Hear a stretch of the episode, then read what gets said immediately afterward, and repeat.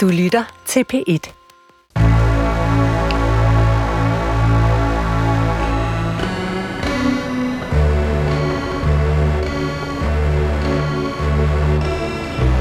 Du har ringet til Hemmeligheder på P1.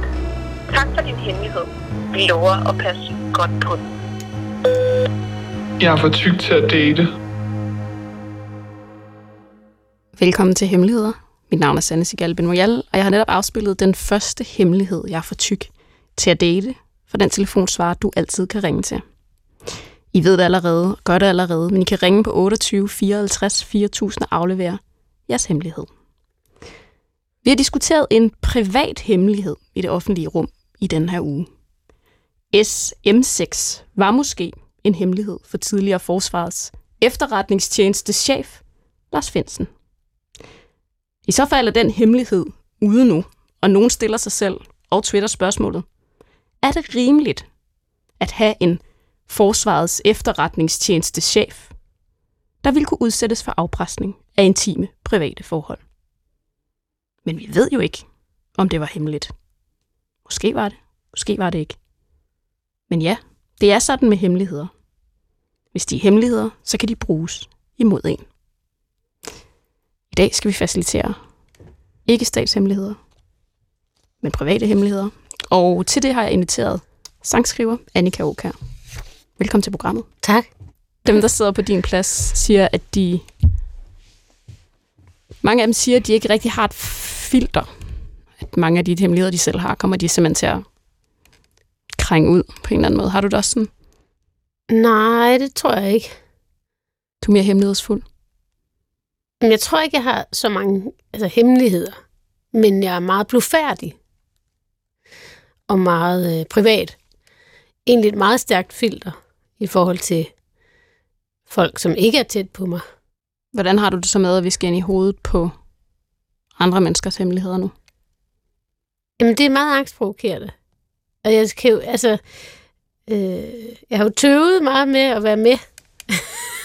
Fordi jeg, du, jeg kan huske, jeg tror faktisk, du spurgte mig, om jeg være med i det allerførste program. Mm-hmm. Og, og der vidste jeg jo heller ikke, hvad det var. Så, men der havde jeg ikke, øh, der var jeg lige, der havde lige lagt mig med noget. Men, og så har jeg ligesom tøvet lidt, fordi at jeg, jeg synes, det er et voldsomt program. Men så har min ven Lars sagt, at jeg skulle sige ja. Så det gør jeg. Din ven Lars. Det er Lars fra mit band. Han har sagt, at jeg skulle. Så du sidder her faktisk, og det må jeg jo sige, så tror jeg, du er den første gæst, der sidder her lidt modvilligt. Det kan jeg godt lide. ja. Det er et voldsomt program, ja. fordi det er jo også... Altså, det er jo sådan, altså, det kalder angstprovokerende eller grænseoverskridende, intimiderende at skulle ind i hovedet på andre mennesker. Nu afspiller jeg bare den første hemmelighed. Ja. Min hemmelighed er, at jeg virkelig, virkelig ofte overvejer bare at stikke af fra det hele. Øhm, jeg har en taske til rådighed, så det er en mulighed. Og jeg laver løbende lister over ting, der skal være i den. En såkaldt go-bag. Øhm, så ja, hvis jeg kan smutte, hvis jeg ikke overskuer mere. Jeg, øhm, jeg har ikke nogen fam eller altså jeg har familie, men jeg bor alene. Øhm, jeg synes simpelthen bare ikke, at mit liv er spændende, eller... Jeg synes bare, at jeg har for mange mennesker, jeg står til ansvar for. Selvom at jeg jo ikke bor sammen med nogen. Og så kunne jeg bare godt tænke mig at starte forfra, uden at nogen kræver noget af mig. Så hey, Vi skal altid have det sidste med. Altså også måden, hvor... Hey. Ja, og den der måde at lægge på på. hey. Jeg elsker også formuleringen, jeg har en taske til rådighed. Ja. Fordi det er sådan, det er jo det, der er præmissen. Man har, man har en taske, og så kigger man på den. Så Ja. tænker man, hvad kan jeg fylde i den? Ja. Over tid. Ja. Jamen det her, det er jo en hemmelighed. Fordi det er jo sådan en taske, man selv kigger på, og folk, der kommer ind i dit hjem, ved ikke nødvendigvis, at det her, det er tasken. Ja. Altså det er tasken med alt det, du har tænkt dig at pakke, hvis du forsvinder. Hmm. Er det lysten til at forsvinde, eller er det lysten til at starte forfra? Hvad er det, der driver? Og det, er selvfølgelig, det kræver selvfølgelig også en forsvinding, på en eller anden måde. Ja, men det er rigtigt. Der kan jo også være det, at du forsvinder, og du forsvinder for evigt. Men der kan også Ja. være lysten til at forsvinde og starte forfra. Det er to Ja. forskellige ting. Det synes jeg, det er. Kan man ikke starte forfra i sit eget liv? Jamen, det, er jo, det er jo et meget godt spørgsmål, om man kan. Det, det tror jeg ikke faktisk, man kan. Altså, jeg tror, det, eller i hvert fald tror jeg ikke, at man føler, man kan det nødvendigvis. I, hvis man, som vedkommende siger, har ansvar for mange mennesker, selvom de bor alene. Og det er jo også øh, interessant på en eller anden måde. Og synes, at man ikke har et spændende liv. Og man har ansvar for mange. Ja, selvom man bor alene. Det, det er en stor byrde. Det er fordi, det, det, det vidner jo måske om en ensomhed, men et stort ansvar for, øh, for andres velbefindende, men ikke ens eget, som bliver taget hånd om på en eller anden måde. Det er sådan, jeg hører det. Ja. Altså, måske tager hun så mere andre, end hun tager sig af sig selv. Jeg kan godt kende det der, jeg kan virkelig kende det der med starte forfra. Det har jeg, det har jeg i mit hoved mange gange. Altså sådan, øh, der tror jeg ikke, jeg har en go-back, men jeg har nogle døre i mit hoved. Nogle nødudgange i mit hoved, som jeg... Og det handler egentlig ikke om ansvar for andre som sådan, eller at jeg ikke synes, det er spændende. Det handler om, at, at der er nye eventyr, jeg må få, hvis jeg tager dem, hvis jeg har lyst.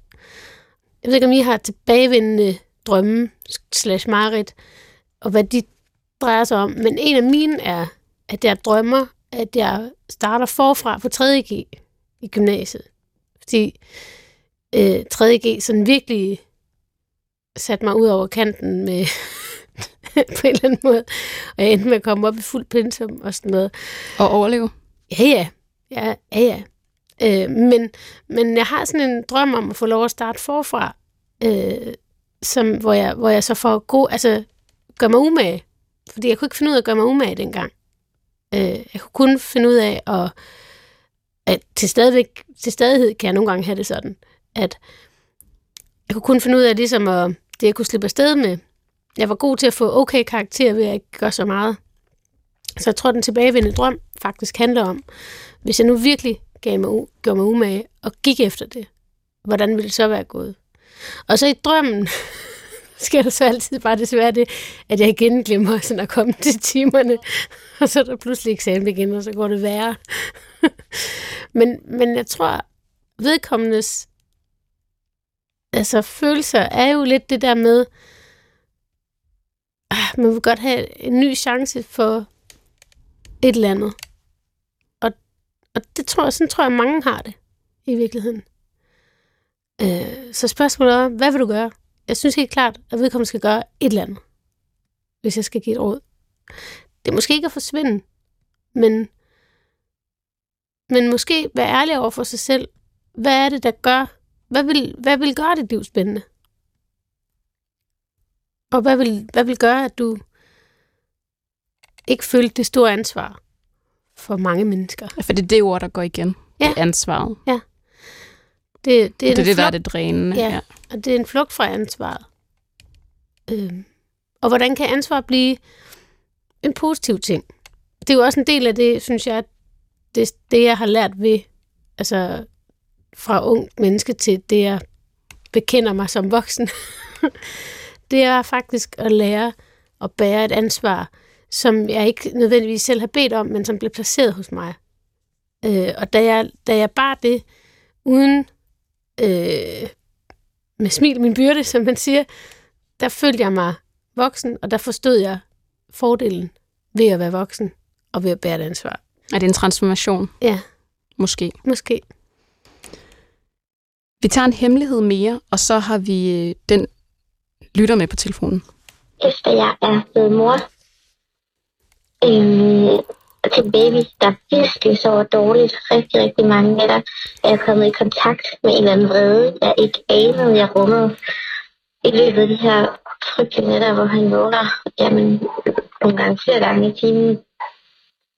Så kan jeg kalde ham alle mulige ting, og jeg kan kalde ham spasser og sige, at jeg hader ham, og at jeg er skuffet, og alle mulige ting. Jeg råber det aldrig. Jeg siger det bare stille og roligt. Men jeg skammer mig ret meget over det næste dag, men jeg kan sige sådan nogle ting til mit lille barn, som jeg jo selvfølgelig elsker. Jeg har også flere gange slået hårdt ned i madrassen ved siden af ham. Ja, kan I høre ham? Jeg synes sgu, det er lidt hårdt. Og jeg skammer mig ret meget over det. Ej, Den wii lyd, det er selvfølgelig babyen. Ja. Og sådan er det jo, når man er nogens mor. Det er man jo aldrig på den måde fri for, heller ikke engang, når man afleverer en hemmelighed. Til det her program. Mm. Velkommen til programmet. Tak skal du have. Ja, du griner også lidt selv. Hvordan var det at høre den?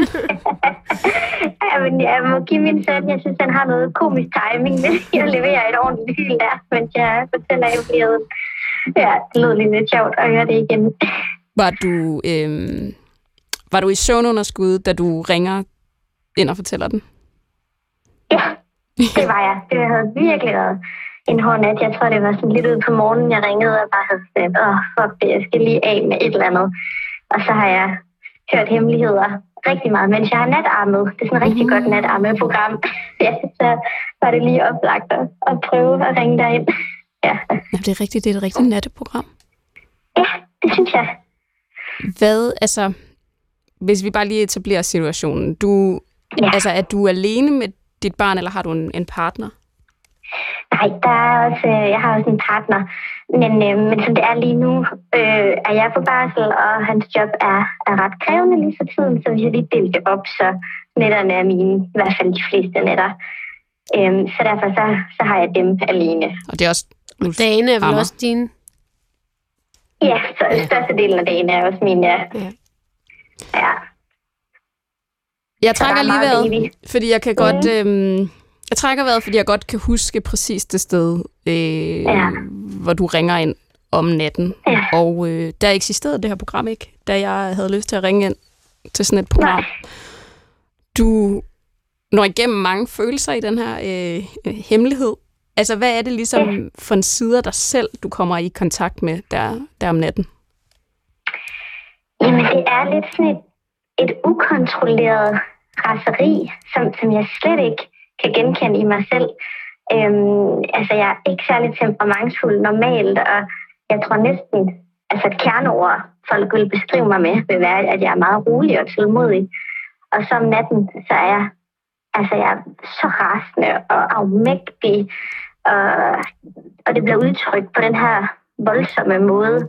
Øhm, hvor jeg er ikke i stand til sådan at regulere det. Det er nok også det, man jo, altså de fleste voksne mennesker ligesom lykkes med øh, i vågen tilstand i de fleste situationer at kunne regulere sig selv lidt, ikke?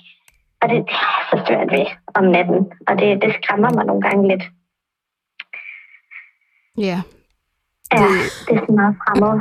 Er det din, din skam og din skyld, er, er- handler den om, at du, har, du i det her møde, med, at du møder dig selv på en måde, du ikke kan kende, eller handler det om, at du måske er bange for at skade dit barn ved at, ved at sige grimme ord? Ja, og jeg forstår godt, det spørger. Altså- Altså, det, er mere, det er mere etteren. Altså, Ja, jeg, jeg, jeg, jeg føler aldrig, at jeg vil kunne komme til at krydse den linje, hvor jeg vil gøre ham noget. Det er, Nej, det er jeg meget, meget sikker på. Nej, Men, nej, øhm, nej, men mere, mere om du tænker ja. på, at det vil skade dit barn at, at høre de her. Nå. Altså, din, din, altså, din, din vrede og dine ord, som mærkes, måske, altså sådan, som du er bange for, vil blive mærket. Ja, det, det er jeg faktisk begyndt på, øhm, fordi nu er jeg jo også en generation Instagram-mom, der, der læser meget med, og har læst noget med, at, at små børn rigtig tidligt egentlig forstår ord og forstår sprog, og der er noget, der tyder på. Så, så det kan godt fylde lidt, åh oh, nej, altså kan han på nogen sådan ubevidst plan øh, komme til at huske, at hans mor decideret har væset ham ind i øret, at hun hader ham, og hun har fortrudt ham, og han er en spasser, og altså, er der sådan et eller andet, der kan fuck lidt tilknytning? Det kan faktisk godt Ja. sådan lige fylde lidt også, ja. Jamen, fordi, Eller om jeg kan komme skræt til at skræmme ham, ikke? Fordi jeg kommer bare sådan slår i seng og river i dynen, og altså, om- om han kan opleve det voldsomt, selvom lyset jo er slukket, og, og det er sådan, ja, han, han kan jo ikke se det, men, men hvor meget af det, hans lille nervesystem ligesom samler op på, øhm, om noget, der kan sådan skræmme ham på nogen måde. Kan du... Altså, fordi jeg tænker, når det, når det er en hemmelighed, så er det jo, fordi det sikkert mm. er Mhm. skamfuldt for dig at Ja. sige det højt. Øhm, Ja. har du sagt det til nogen? Øhm, altså, det jeg ringede ind til jer, gjorde faktisk, at jeg, jeg fortalte det til min mand. Han vidste godt sådan elementer af det, men jeg tror, jeg har underspillet det lidt. Mm. Øhm, fordi at det er som om, det ikke det er ikke skamfuldt at sige, at man synes, de her hårde nætter er redselsfulde. Øhm, men, men det er mere altså sådan graden af min reaktion, jeg synes, der, er- der er skamfuld, og som der er hemmeligheden. Og, og det talte jeg lidt med ham om. Øhm, og det, det tog han heldigvis altså, med stor forståelse og, og sådan sympati. Øhm, men jeg vil have svært ved at dele det med andre mødre, eller mine veninder, eller mødergruppe, eller sådan noget. Det, Mm. det tror jeg ikke. Ja. Det er jo min anke Ja. mod mødergrupper, ikke? Det er, at Jo. hvis der er noget, man skal dele, Så Ja. er det der. så er det ikke, hvilke blæer bruger du, eller hvilke armelag bruger du. Så er det jo, at den følelse, du sidder med der helt alene om natten, og du ikke har sovet i, du har ikke sovet sammenhængende søvn i flere måneder, Nej. og det bliver man altså ikke normal af. Altså, det er ikke et smukt Nej. sted at være med sig selv. Det Nej, bruger er man som torturredskab. Altså, det er ikke for sjov. Ja. Hvordan tror du, de ville reagere, hvis du var den første, der sagde det? Hmm. Altså, jeg, jeg, jeg tror lige sådan, den mødergruppe, jeg er i, der er det sådan ret pænt. Altså, vi, vi taler ikke så dybt. Øhm, så jeg kunne blive overrasket, men jeg vil egentlig ikke tro, at der er nogen, der fylde trop med at kunne relatere så meget til det.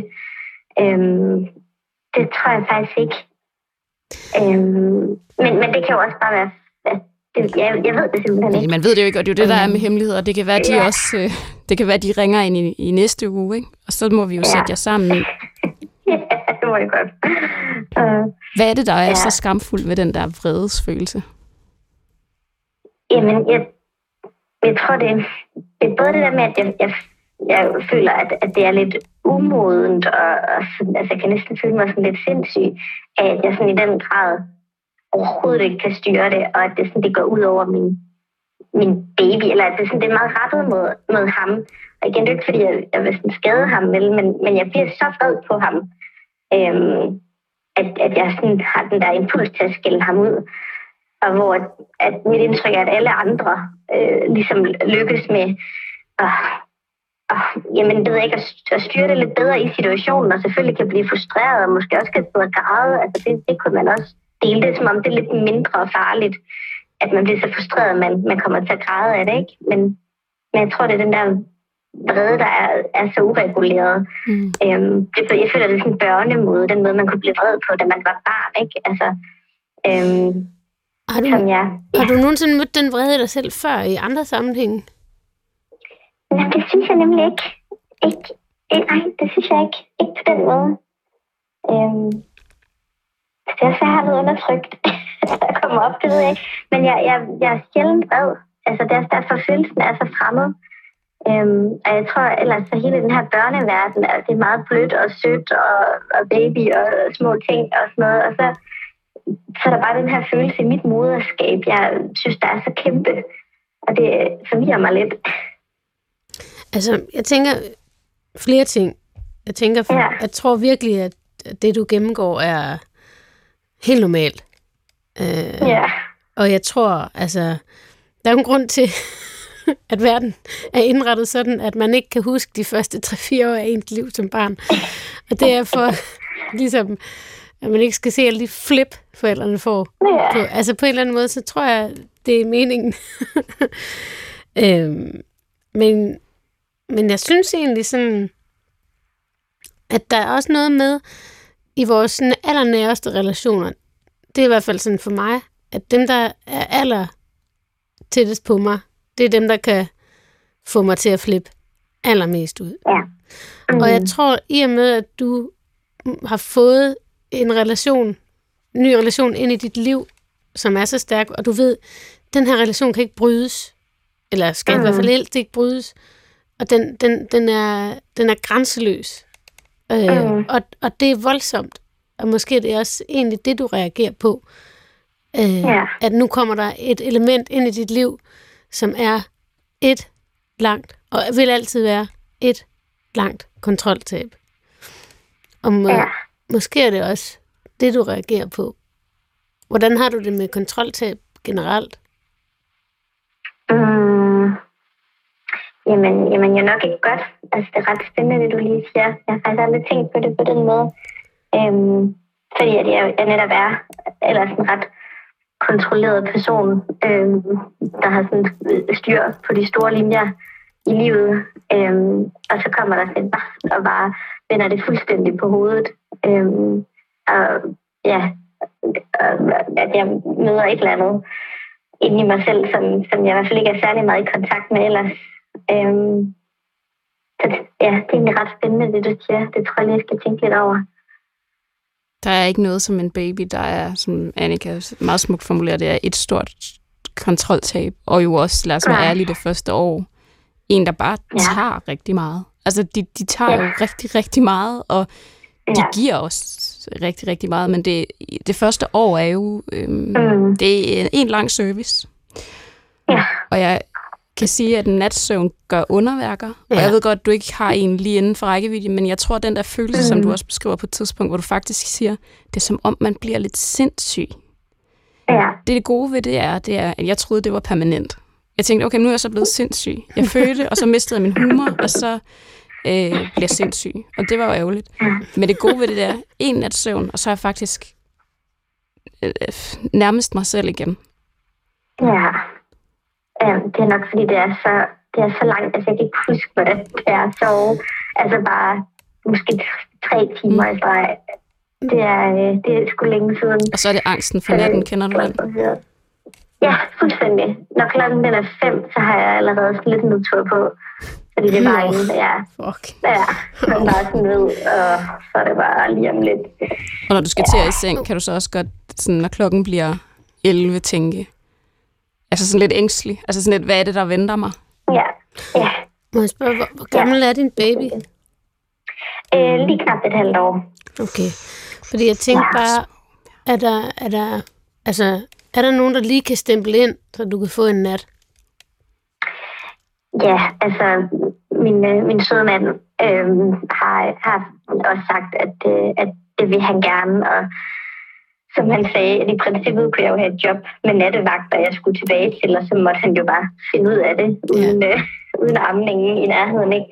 Øhm, så han, han har egentlig mod på det, og, og så er det lidt sjovt, at det har jeg så alligevel heller ikke helt selv øh, altså, sådan lyst til endnu, fordi jeg jo så altså, også føler mig så forbundet med, med baby, ikke? Og, og det med, at, at det er meget den der amning, der, der sådan får ham videre og sådan nogle ting, så det synes jeg også vil være lidt grænseoverskridende en hel nat uden ham. Øhm, så det er, det, der, det er så dobbelt det hele på en eller anden måde, hvis det giver mening. Ja. At der er ikke noget, jeg hellere vil end en nat søvn, men jeg har også lidt svært ved at, at give afkald på ham en hel nat. Hvad, hvad så med en dag, hvor du kan sove? Ja, jamen der, jeg, jeg synes, jeg har et ret godt lurgame de fleste dage. Heldigvis, så har jeg indhentet noget. Ja. Så jeg tror også, jeg kan huske, hvem er der lige nævnte det, men det der med, at der er altså en eller anden nattestemning, jeg også tror puster lidt til det. Altså, mm. at, at ja, man kan blive lidt skør om natten på en eller anden måde. Øhm, jeg bliver fuldstændig ja. vanvittig skør om natten, og jeg kan da sige, at øh, det er da ikke lang tid siden, jeg råbte ud i lokalet til min okay. søde mand. Jeg hader dig, men jeg hader mig selv mere. og øh, det er jo tit sådan, det pilen peger, ikke? Altså det er jo, at man hader den, man bliver om natten. Ja. Og det, øh, ja. det er bare helt okay. Ja, jeg håber i hvert fald, du har ret i noget med det der, du sagde med et år. Skynder det. Og, Tingene letter. Og lidt. Ja, Tingene letter. Er halvvejs. Ja. Jeg ja. tænker, øh, at øh, når du har taget en nat søvn, så er du et andet menneske. Jeg håber, ja. at det var øh, at det lettede dig lidt at tale med os. Ja, det gjorde det faktisk rigtig meget. Det er godt. Kan du sove godt? Ja. Ja. Tak. Jeg var faktisk lige ved det, og så fik jeg en sms om, at det skulle jeg være med. Så ødelagde vi det. Åh oh, nej. ja, Kom her. jeg tror, jeg kan lige, jeg kan nå det nu. Men, øh, men tak for snakken i hvert fald. Tak fordi du var med. Altså søvntortur. Ja. Det er for sindssygt. Og det er, ja, du har ret i, man, jeg tror, man siger, at børn ikke husker, før de får sådan et, nu kalder man et formfuldt sprog. Og det gør man jo heller ikke, før man er sådan tre, mm. typisk 3-4 år eller sådan noget. Og jeg tænker måske også, man lægger nogle gode grundsten der de første tre år. Men det kræver jo også lidt af ens sjæl, ikke? Meget af ens sjæl at lægge de grundsten for det barn. som selvfølgelig er ens et og alt. Og det håber jeg også, man kan høre derude, at der er jo ikke nogen tvivl om, at det her var en mor, vi havde igennem, som elskede sit barn overalt på jorden, men havde sovet meget lidt. Lad os tage en hemmelighed mere. Hej. Min, min hemmelighed er, at jeg er fucking sur. Jeg er så fucking sur. Jeg er sur på systemet. Jeg er sur på øh, den måde, vi håndterer mennesker, der har det svært. Jeg er sur på, at alle har det svært. Jeg er sur på, at hvis man ikke får en diagnose, så bliver man overvægtig, eller man bliver spiseforstyrret, eller man får, alle får stress, og alle får depressioner. Jeg føler, at folk har misforstået alle ting, så jeg bliver nødt til at være alene, for jeg føler, at hver gang jeg snakker med folk, så fucker de med mig, fordi de har det svært og har problemer, og jeg får under folk, og jeg bliver fucking sur på alt, fordi jeg føler, at jeg forstår. Og jeg, på en eller anden måde er der nok også mange ting, eller jeg, jeg ikke forstår, men jeg hader folk, der vælger deres familie fra. Jeg forstår det godt, men jeg føler, at deres problemer er, at de ikke forstår, og det går ud over dem selv, og de får det svært, og alting er bare onde cirkler for folk, og jeg bliver så fucking sur, og dem, der ikke får diagnoser eller bliver overvægtige, de bliver nogle fucking røvhuller og psykopater og tænker kun på sig selv, og folk går op i alle mulige ting, der ikke betyder noget af materielt shit, og folk er bare misforstået, hvad alting handler om, og jeg orker det ikke. Og jeg orker det ikke. Og det gør mig bare fucking sur. Fordi hvis jeg ikke er sur, så er jeg fucking ked af det. Så jeg er nødt til at være fucking sur. Ja. Det er min hemmelighed. Og jeg føler faktisk smålig der. Min hemmelighed er, at jeg bare er fucking sur. Så sur. Ja. Men have en dejlig dag til folk, der lytter. I guess. Ja. Hej. En Have a nice day. Have a nice day. Var stærkt.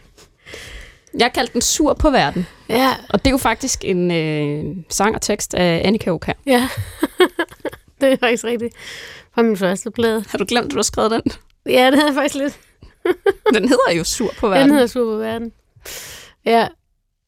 Ej, det er ret spændende, fordi at, øh, det, jeg føler lidt, det er sådan et brev fra mig selv, da jeg var 23 eller sådan noget.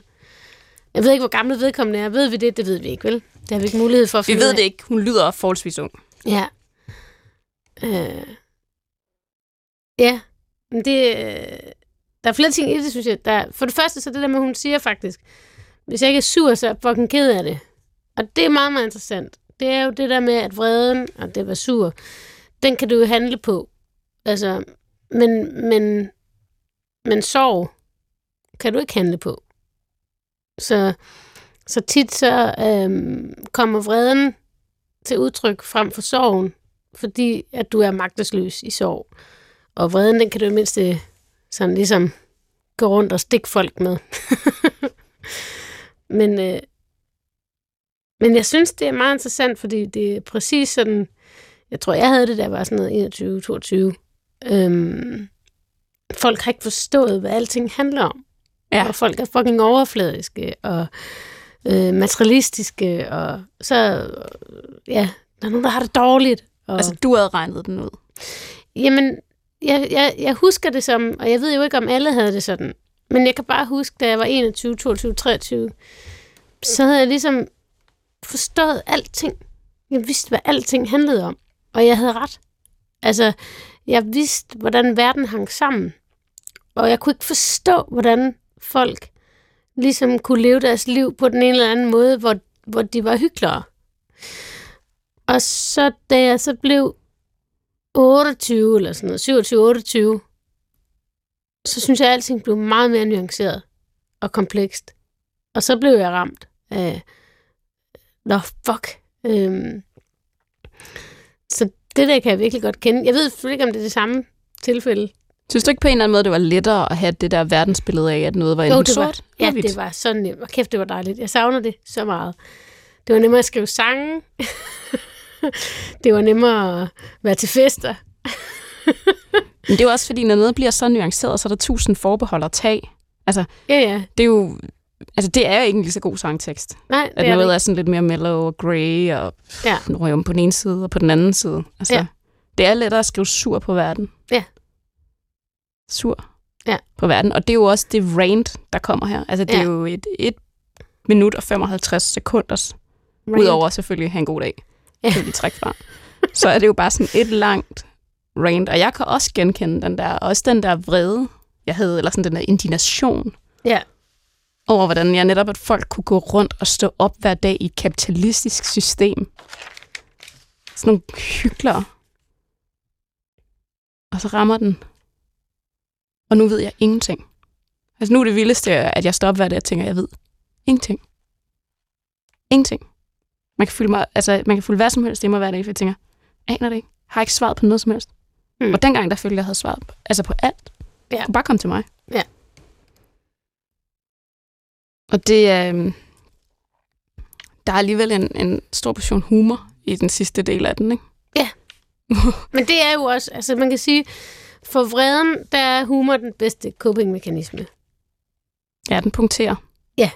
Altså, altså det, det er den sundeste coping-mekanisme.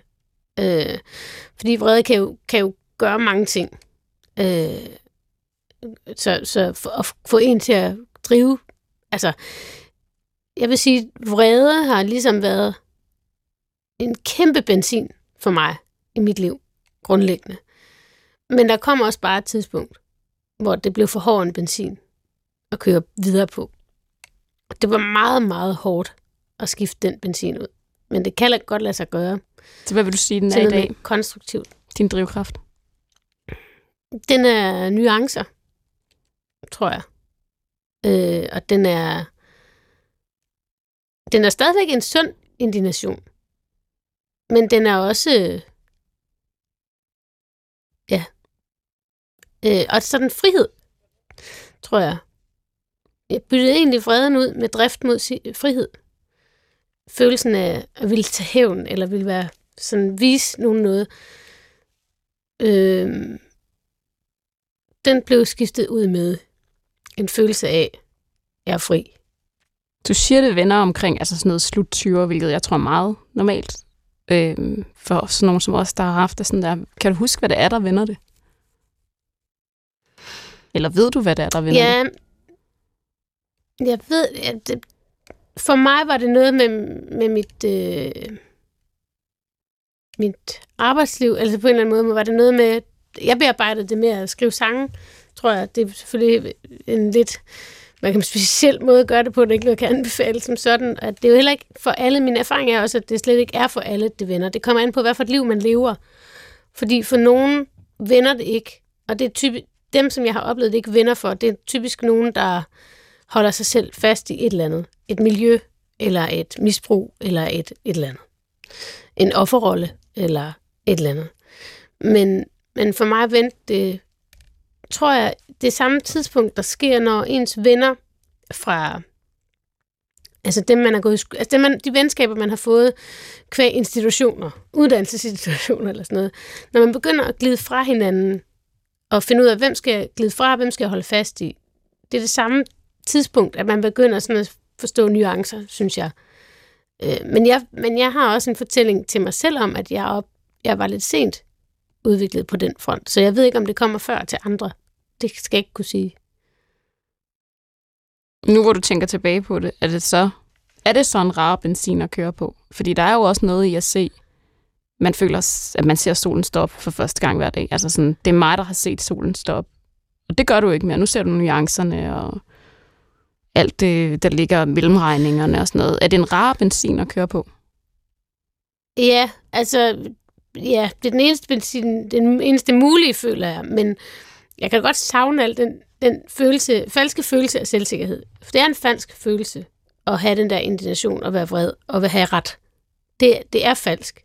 Det er meget vigtigt, at hun skal vide, vedkommende skal vide, at det, at du er så vred, det, det driver dig, men det er også falsk. Du har ikke nødvendigvis ret, selvom du har ret i nogle ting. Så det der med at give slip, altså, øh, det er en kæmpe... det, det er en kæmpe glæde ikke at holde, øh, hvad kan man sige, listen over fjender up to date. Den lille sorte bog. Ja, præcis. Altså, kæft, det er dejligt at slippe for det. Ja. Jo ældre øh, jeg bliver, jo mindre ved jeg. Lad os øh, tage den næste hemmelighed. Elregningen og de stigende energipriser gør, at jeg næsten ikke har råd til at spise.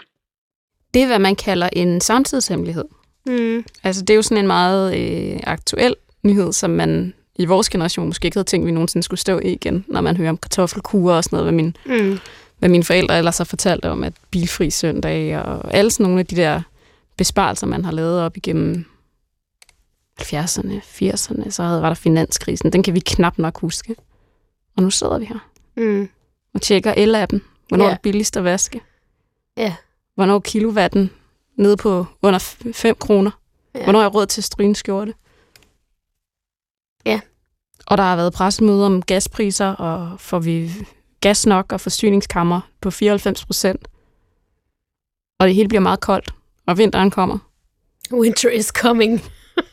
Nå, men det er jo, altså, om ikke andet, Ja. sådan det føles. Ja, Er det noget, der optager dig? Jamen, det er det faktisk. Øhm, også selvom, at øhm, jeg er blevet så privilegeret, at jeg har råd til det, i hvert fald lige nu. Nu må vi se, hvordan det stiger og og andre ting. Altså, så jeg, jeg, jeg, jeg kan egentlig mærke, at jeg føler mig privilegeret. Og grundlæggende, så min følelse af at føle mig privilegeret er egentlig også, og det er jo også fordi, det er ikke kun elregningen, der stiger, det er jo også fødevarer og sådan noget, at, at jeg kan huske min, min glæde ved at tjene mine egne penge og leve af det, jeg gør, den, den har været aller, aller størst, når jeg har kunne gå i netto og købe ind, uden at lægge sammen, mens jeg lagde ting i kurven. Fordi sådan har min opvækst været. Øh, At man regnede sammen på det, man havde. Jamen, vi havde ingen penge, og, og nogle gange var der lukket for telefonen. Altså, kan du huske følelsen af det? Øh, jeg har som barn været meget bevidst om, øh, hvad ting kostede, og hvad der var dyrt, og hvad, altså, og bekymrer mig meget om økonomi. Alt det her, den, det trigger mig faktisk enormt meget. Øh, Al den snak om det. Altså, Ja, det gør det. Altså, det er selvfølgelig det er et privilegeret problem, at det trigger mig, men det gør det. Og jeg føler sådan, selvom jeg ikke er i den situation, hvor jeg skal vælge, så, så føler jeg faktisk, at jeg skal kontrollere helt sindssygt meget af mit forbrug. Fordi det er så voldsomt, det der sker lige nu. Gud være med dig med elregningen og stå, stå mellem elregningen og hvad, mad. Øh, lad os håbe, det snart går over. Eller at der, der der findes politisk løsning, fordi jeg forestiller mig, at du er langt fra den eneste. Og det Ja, kan jo ikke hjælpe. præcis. Altså, det får mig jo ikke med af. Men Nej, man kan sige, jo flere der er i den her situation, og det tror jeg, der er mange, der er. Og måske tror er det jeg også hemmelighedsfuldt at åbne op omkring det og sige, Ja. ja. jeg er en af dem, der er i den her situation. Men jo flere der er, jo mere er der også brug for en Ja. politisk løsning, fordi det er virkelig en historisk underlig tid at stå i. Og meget øh, ubehagelig. det synes jeg også. Men jeg, Og det er et kontroltab. Det er et Ja. kæmpe kontroltab. Ja, det er det. Øh, det. Det er meget voldsomt, at der både altså inflation og fødevare og el og gas og alle de der ting. Det, det, er, øh, det er jo en, en reel følelse, sådan set, af at leve i krigstid, uden at være i krig vel bevares. Det er jo også et privilegie, kan man sige. Men, men der er måske også... Ja, nej, nu lyder jeg sådan træls, synes jeg, hvis jeg siger, at der er også noget sundt i det. Men der er også bare noget med, altså, kæft, har der været voldsomt forbrug af alt. Øhm, og, jeg, og jeg kan godt, altså, jeg kunne mærke sådan her på det sidste, nu er jeg sådan, nu synes jeg, alting er blevet sindssygt dyrt, så nu er jeg sådan, nej, nu bruger vi, nu, nu sørger vi for at undgå madspil, altså, og alle de der ting. Jeg tror, der er noget, der er meget godt i at tænke over vores forbrug. Det, det er en ubehagelig måde at komme til at tænke over det på, men jeg tror faktisk, der godt kan være noget sundt i det. Øh, fordi det minder mig om min bedste mor, eller du ved, altså dem, der havde oplevet krigen og sagt, "Jamen, øh, vi skruer ikke op for varmen, du må tage nogle ekstra sokker på, for eksempel. Vi er jo generationen, der er vokset op med, at alle har ret til et fedt køkken. Altså, det, er jo, det var sådan en reklame Ja, fra min barndom. Ja. Det var, at alle har ret til et fedt køkken. Ja. Og der må jeg sige, det er jo ikke en menneskeret at have et køkken. Altså, måske et køkken, men ikke et fedt køkken, tænker jeg. Og jeg tænker, at de der perspektiver er meget øh, sunde. Og så er der så dem, der ikke kan få mad. Og det er et helt andet og fuldstændig uoverstigeligt problem, som jeg tænker, at der må være en eller anden øh, politisk løsning på. Lad os øh, tage en hemmelighed mere. Jeg er for tyk til at date. Det lyder som et statement. Jeg tænker, altså, hvem siger det, har jeg jo lyst til at sige. Fordi det siger hemmelighedslytteren. Det er der jo øh, grundlæggende i princippet ikke nogen, der er. Det er det. Altså, Altså fysisk er der ikke nogen, tænker jeg, der er for tyk til at date. Men det er jo, det er jo et state Men- of mind. Men, ja, og så ikke kun et state of mind, det er også øh, en måde at blive føle sig set på af samfundet. Du tænker Det- på den stigmatisering, der Ja. ligger i at blive set på som tyk. Ja. Og så måske datebar. Ja. Eller sådan, hvad er din, nu ser jeg i citationstegn, markedsværdi. Præcis. Og jeg tror der er også, altså, vi har der en kultur, hvor, hvor, øh, øh, hvor det er meget, hvad hedder det, prævalent, at, at, øh, at vi hele tiden vurderer hinanden ud fra datebarhed. Og det kan være på mange parametre. Det kan være udseende. Det kan være, hvordan du performer dit køn. Det kan være alle mulige ting. Men det er en meget, meget øh, øh, voldsom dom, som mennesker fælder over hinanden konstant, det er, er du, er du sådan en, der er værd at date, tror jeg. Det er jo en ting, som er gennemsyrende i vores samfund. Altså herude i mediebranchen talte man jo på et tidspunkt, og det ved jeg godt, ledelsen siger, de ikke gjorde, men talte om fuckability. Det har de aldrig sagt. Det har de aldrig sagt. Øh, og det er også ligegyldigt, om de har Det har sagt de heller aldrig sagt i min branche. Præcis. Det er der det aldrig passer nogen, der har ikke. sagt, faktisk. Ja.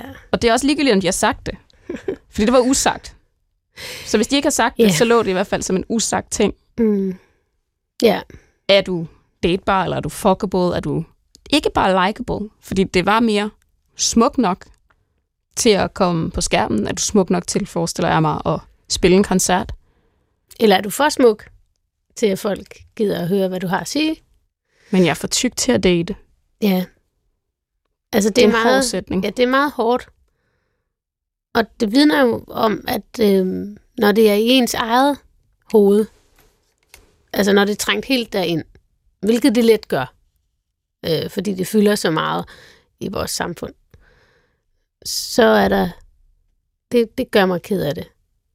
Og jeg ved ikke, jeg tror ikke, vi kan sige noget, der hjælper på det, andet end at jeg kender flere, som vil kalde sig selv tykke, som er fantastiske, charmerende, dejlige, gode mennesker, som bestemt er værd at date.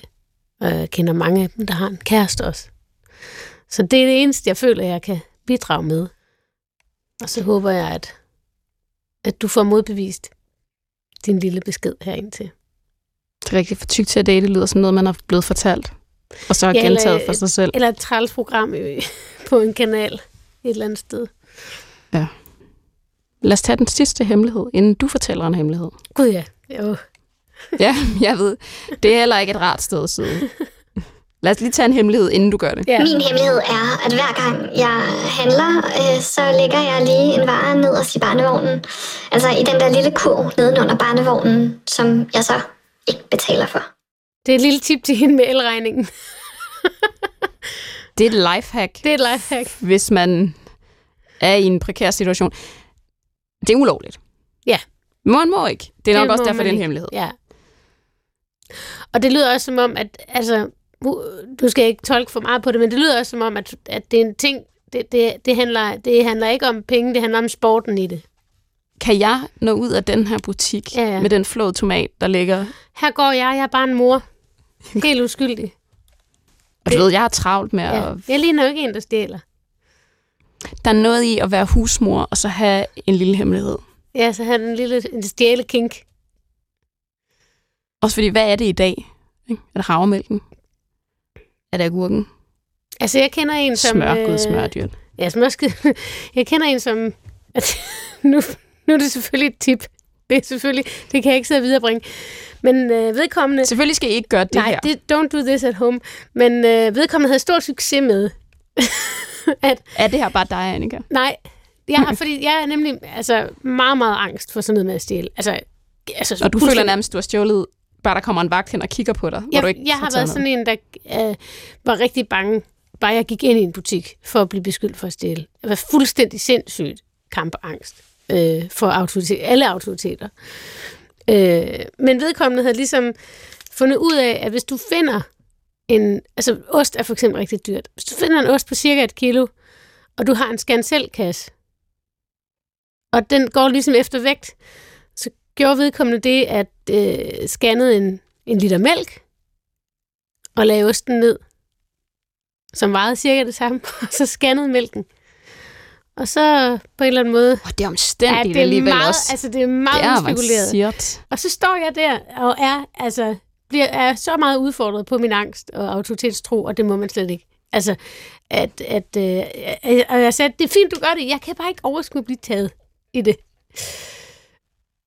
Det er meget, men det er noget med lige, det er noget med at bryde nogle regler, tror jeg.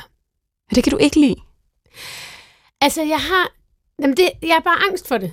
Det kommer så af det der med at komme fra trangekår og, og have det der stigma på sig, at man er sådan en, der kunne finde på at gøre det, fordi man kommer fra trangekår. Altså, du føler nærmest, de det- kan se det på dig. Det sidder i en. Så jeg er meget sådan bange for at blive altså, taget i noget som helst. Så du har altid hænderne altså op Ja. over hovedet. Jeg, nærmest, altså, jeg Og så- siger heller ikke, jeg siger heller ikke. Jeg sådan, Den her barnevogns... Øh, kalder det barnevognskleptoman. Ja. Jeg tror, det er sådan en af de der hemmeligheder, hvor man også har gået lidt meget på barsel derhjemme. ja, så skal der ske noget. Ligesom man- en dron, dronning Ingrid. Gud, dronning Ingrid. Sally. Særlig. Dronning Ingrid. Æret været. Æret være de, Mindet. rest in peace. Det er en af de der små hemmeligheder, Jamen, det er sådan noget med et, der lille, kilder lidt. et lille brud på reglerne. Han kilder lidt. Og hvad kan der ske ved det? Jamen, jeg tror nemlig heller ikke, altså at stjæle handler ikke nødvendigvis om altså, Det handler om rush. frihed. Eller, ej. ja, det er, det er sådan en... Og jeg Ja. tror også, man kan udvikle sådan en eller anden form for ja, afhængighed af det. Altså ja. Sådan, Det er jo det er jo sus. det er muligheden for at blive opdaget. Ja. Men tænk, hvis man ikke gjorde. Ja. Men tænk, hvis man gjorde. Ja. Men tænk, hvis man ikke gjorde. Ja. Jeg kan ikke rigtig trække den længere, også selvom jeg ved, Nå du ja. synes, det er ubehageligt. Ja. Øh, fordi du har også taget en hemmelighed med. Altså, grunden til, det svært at skulle dele med mange, måske, at det er, at det, det tit bunder et sted i skam. Og har man, af, har man vist sin skam, så kan man jo også blive ramt, ikke? Jeg har, jeg har tænkt virkelig meget over, hvad det skulle være, men jeg har ikke kommet frem til noget virkelig godt, synes jeg, andet end at, som jeg nævnte, og det kan være, du kan hjælpe mig med at udbrede det, fordi det fylder lidt meget i mig lige for tiden, på en eller anden måde. Øh, som er en blufærdighed, som folk måske ikke går ud fra, at jeg har. Jeg kan ikke lide, at nogen kigger på mig. Selvom jeg går op på en scene jævnligt, hvor folk kigger på mig. Altså, det er sådan en underlig... Jeg tror, det er noget, jeg tænker mere over, efter jeg ligesom er blevet øh, mere kendt. Det har været meget stort kontroltab for mig at blive kendt på en måde, hvor at, at lige pludselig så er der artikler og sådan noget, så skriver en- visse medier om mig, uden at jeg har udtalt mig til dem. Øh, og det, øh, det går på en eller anden måde ind og, og krænker min blufærdighed på en eller anden måde. Så der er noget lige nu, som jeg er- meget optaget af, altså bare på et privat sted, ikke? Jeg behøver ikke at råbe og skrive om det, men inde i mig selv, som jeg arbejder med omkring det. Og det er frygten for ligesom at blive bedømt på, altså jeg vil jo egentlig gerne bedømmes på min musik, og det er, altså når, jeg, når jeg siger, nu har jeg lavet noget, jeg godt vil have bedømt. Men det, som jo er interessant for de medier, det er jo alt det, jeg ikke vil have bedømt, kan man sige. Ja, Mit de- privatliv ja. og sådan nogle ting. Det er det, der er de interessante artikler for dem at skrive. Og, og også for nogen, typisk forestiller jeg mig, dem, som ikke bryder sig om mig, at læse. Øh, så det, jeg ved ikke, om man kan sige, at det er min hemmelighed, at jeg ligesom ikke nødvendigvis trives super godt med det. Det handler om, altså fordi det er også derfor, det lyder forkert, når jeg siger, at jeg ikke er blevet færdig, fordi jeg har stået øh, og snakket om, øh, at jeg sked i bukserne til jeg var 12, og øh, at øh, altså, øh, snakker om, om ekstremt private ting på scenen, men, men som, al, som altid er i en kontekst, hvor jeg føler, at det her kan folk bruge til noget. Ja, du tager udgangspunkt i din Ja. egen navle, og så breder du det ud til noget, som Ja. du føler har sådan relevans for andre mennesker. Præcis. Hvis jeg skal dele en hemmelighed, så skal det være brugbart for andre. Jeg skal ikke bare, du ved, bekende.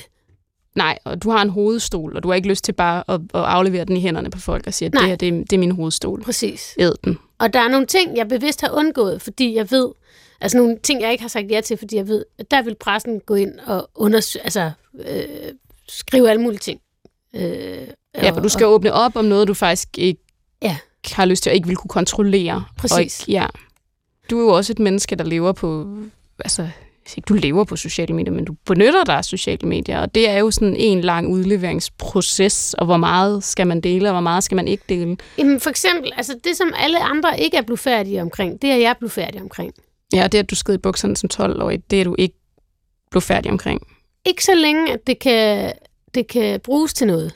Altså i en kombination af, af en fortælling om menstruation og en fortælling om øh, sygdom og barndom. Altså, det fylder meget. Altså, øhm, mit privatliv har jeg altid holdt ekstremt privat. Øh, og det har så været svært øh, på det sidste. Og det, det ved jeg godt, at det er interessant. Altså, jeg ved godt, det er en del af showbiz. Altså, min PR-dame, hun, tidligere PR-dame, hun sagde bare, men det er jo fordi, nu er du folke, øh, folkelig og folkekær, så vil de vide, hvem, øh, så vil de løfte dynen. Ja, så er vi dit, hvem deler du seng med? Ja, præcis. Og jeg er egentlig ligeglad med, hvem der ved hvad om mig. Det er bare det, at jeg ikke selv får lov at fortælle det. Eller at, at det skal sådan afsløre. Altså, der er nogen, der sådan... Det er det der med, og det skal bedømmes. At der er et kommentarspor. Er det kontroltabet, eller er det bedømmelsen, der er værst i dit hoved? Det er begge dele, som jeg slet, slet, slet ikke kan holde ud. Altså, som jeg foragter øh, ned til helvede. Ja, du kan virkelig ikke lide det. Jeg kan virkelig ikke, virkelig, virkelig, virkelig ikke lide det. Kan du så Øhm, godt finde ro altså, i det, du... Altså, du er jo en del af den her det- skøre, skøre, det her skøre cirkus. Men det er jo igen det, altså det er jo et arbejde oven i alt det andet. Altså det er jo et arbejde, et kæmpestort stykke arbejde, jeg skal gøre øh, oven i alt. Oven i, at jeg skal spille koncerter og skrive musik og indspille musik og udgive musik. Altså det er et kæmpestort stykke arbejde for mig at, at, at prøve at navigere i og finde ro i på en eller anden måde. Og det, det er det, jeg øh, går med lige nu. Øhm, jeg kan jo ikke ændre verden som sådan. Jeg kan jo ikke ændre... Altså, jeg kan godt lade være med at snakke med de medier, og det gør jeg også. Og det skal alle, der lytter med, vide, at jeg har aldrig nogensinde udtalt mig om mit privatliv nogen steder. Så hvis der står noget om mig, så er det højst sandsynligt ikke rigtigt. Men det er den der... Altså, Er der nogle gange, hvor du overvejer bare sådan en total demaskering? Altså sige sådan, det er det her, øh, det her det er mit privatliv, det er sådan at sætte en dyne ud, og så lave sådan en... Altså, der nogle gange, hvor du tænker, at så smider bare alle kort på bordet for fred. Nej, fordi du får aldrig fred. Du får aldrig fred. Ikke før du, altså, ligesom, øh, ikke, altså, laver musik mere, eller ikke er relevant længere. Så Er der- lad det der være. Er der nogle gange, hvor du overvejer, om prisen er for høj?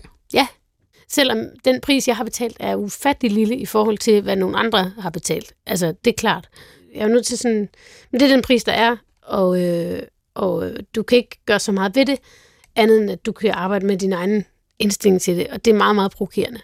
Altså, det er jo ligesom, igen, ligesom hende med babyen. Du møder noget i dig selv, som, som du ikke havde regnet med at skulle møde, og hvad gør du ved det? Altså, det, som jeg bruger min tid på scenen til, mere, eller, mere og mere, og det er faktisk i tråd med det, vi snakkede om, med at blive nuanceret i slut 20'erne. Det er ligesom øhm, og insistere på retten til at være menneske. Øh, og det, i det er der også retten til et privatliv, selvom man er offentlig. Mange unge artister, de vil jo gerne stå på scenen og være en form for Gud. Altså at være fuldstændig, ikke til at skyde igennem. Sådan var det i hvert fald altså i, i min generation. Der er heldigvis sket et skred med det. Men når man så har lavet det her, som jeg laver længe nok, så finder man ud af på et tidspunkt, hvis man får lov at blive hængende, at det er meget, meget federe at få lov at stå på scenen som det menneske, man er. Det er også meget federe, fordi så er du sammen med en masse mennesker. Så skal du ikke vise, hvor god du er, du skal bare være der. Og det gør det, gør det meget mere sådan set bæredygtigt at lave det, jeg gør. Men det er meget interessant, at det er den hemmelighed, du slår af med, fordi man kan jo sige, at det er jo det binder op på hele det her program også på mange måder, det der med, at det folk gerne vil læse, det er hemmelighederne. Mm. Det er det, det, er det, det, er det der er fascinationen. Mm. Det er, gad vide, hvad hun gemmer, gad vide, hvad hun også rummer, gad vide, hvad hun holder hemmeligt. Ja. Og det er jo, øhm, Det er jo altså det, det er derfor hemmeligheder, og nogle gange bliver hemmeligheder sladder, og nogle gange er sladder hemmeligheder, og det er sådan en gråzone, men, men det er jo det, der er fascinationen for rigtig mange mennesker. Og det kan være øh, svært at være genstand for den. Ja. Ja, ja. Det er et kæmpe pres. Plus at altså, der er egentlig ikke så meget, jeg lægger skjul på. Altså alt ligger i min sang. altså alt. det, det, som folk godt kan lide, det er jo ikke hemmelighederne fra min egen mund. Det er jo hemmelighederne bragt videre fra andre. Andres dom af det. Det er jo det, som folk sådan på en dårlig måde mesker sig i. Det er jo det fald fra tænderne. Præcis. Altså lige så snart, at man er, forestiller jeg mig, del af en kulturarv, hvilket du er, eller kulturelite, eller hvad end du kalder det, så er der sådan, der er et fald for tænderne. Ja, ja. Og det øh, er sådan et fald, som folk godt kan lide Ja. at vente på. Nogen, Nogen ja. kan lide. Altså, Det er sådan et fald, nogen kan lide at ja. vente på. og hvis man ligesom selv lige hopper lidt ned først, så, så, så er faldet lidt blødere.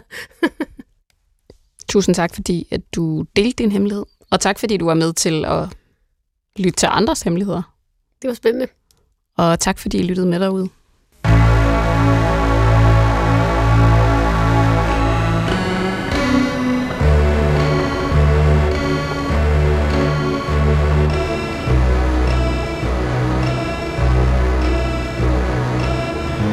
Du har ringet til Hemmeligheder på P1. Tak for din hemmelighed. Vi lover at passe godt på den.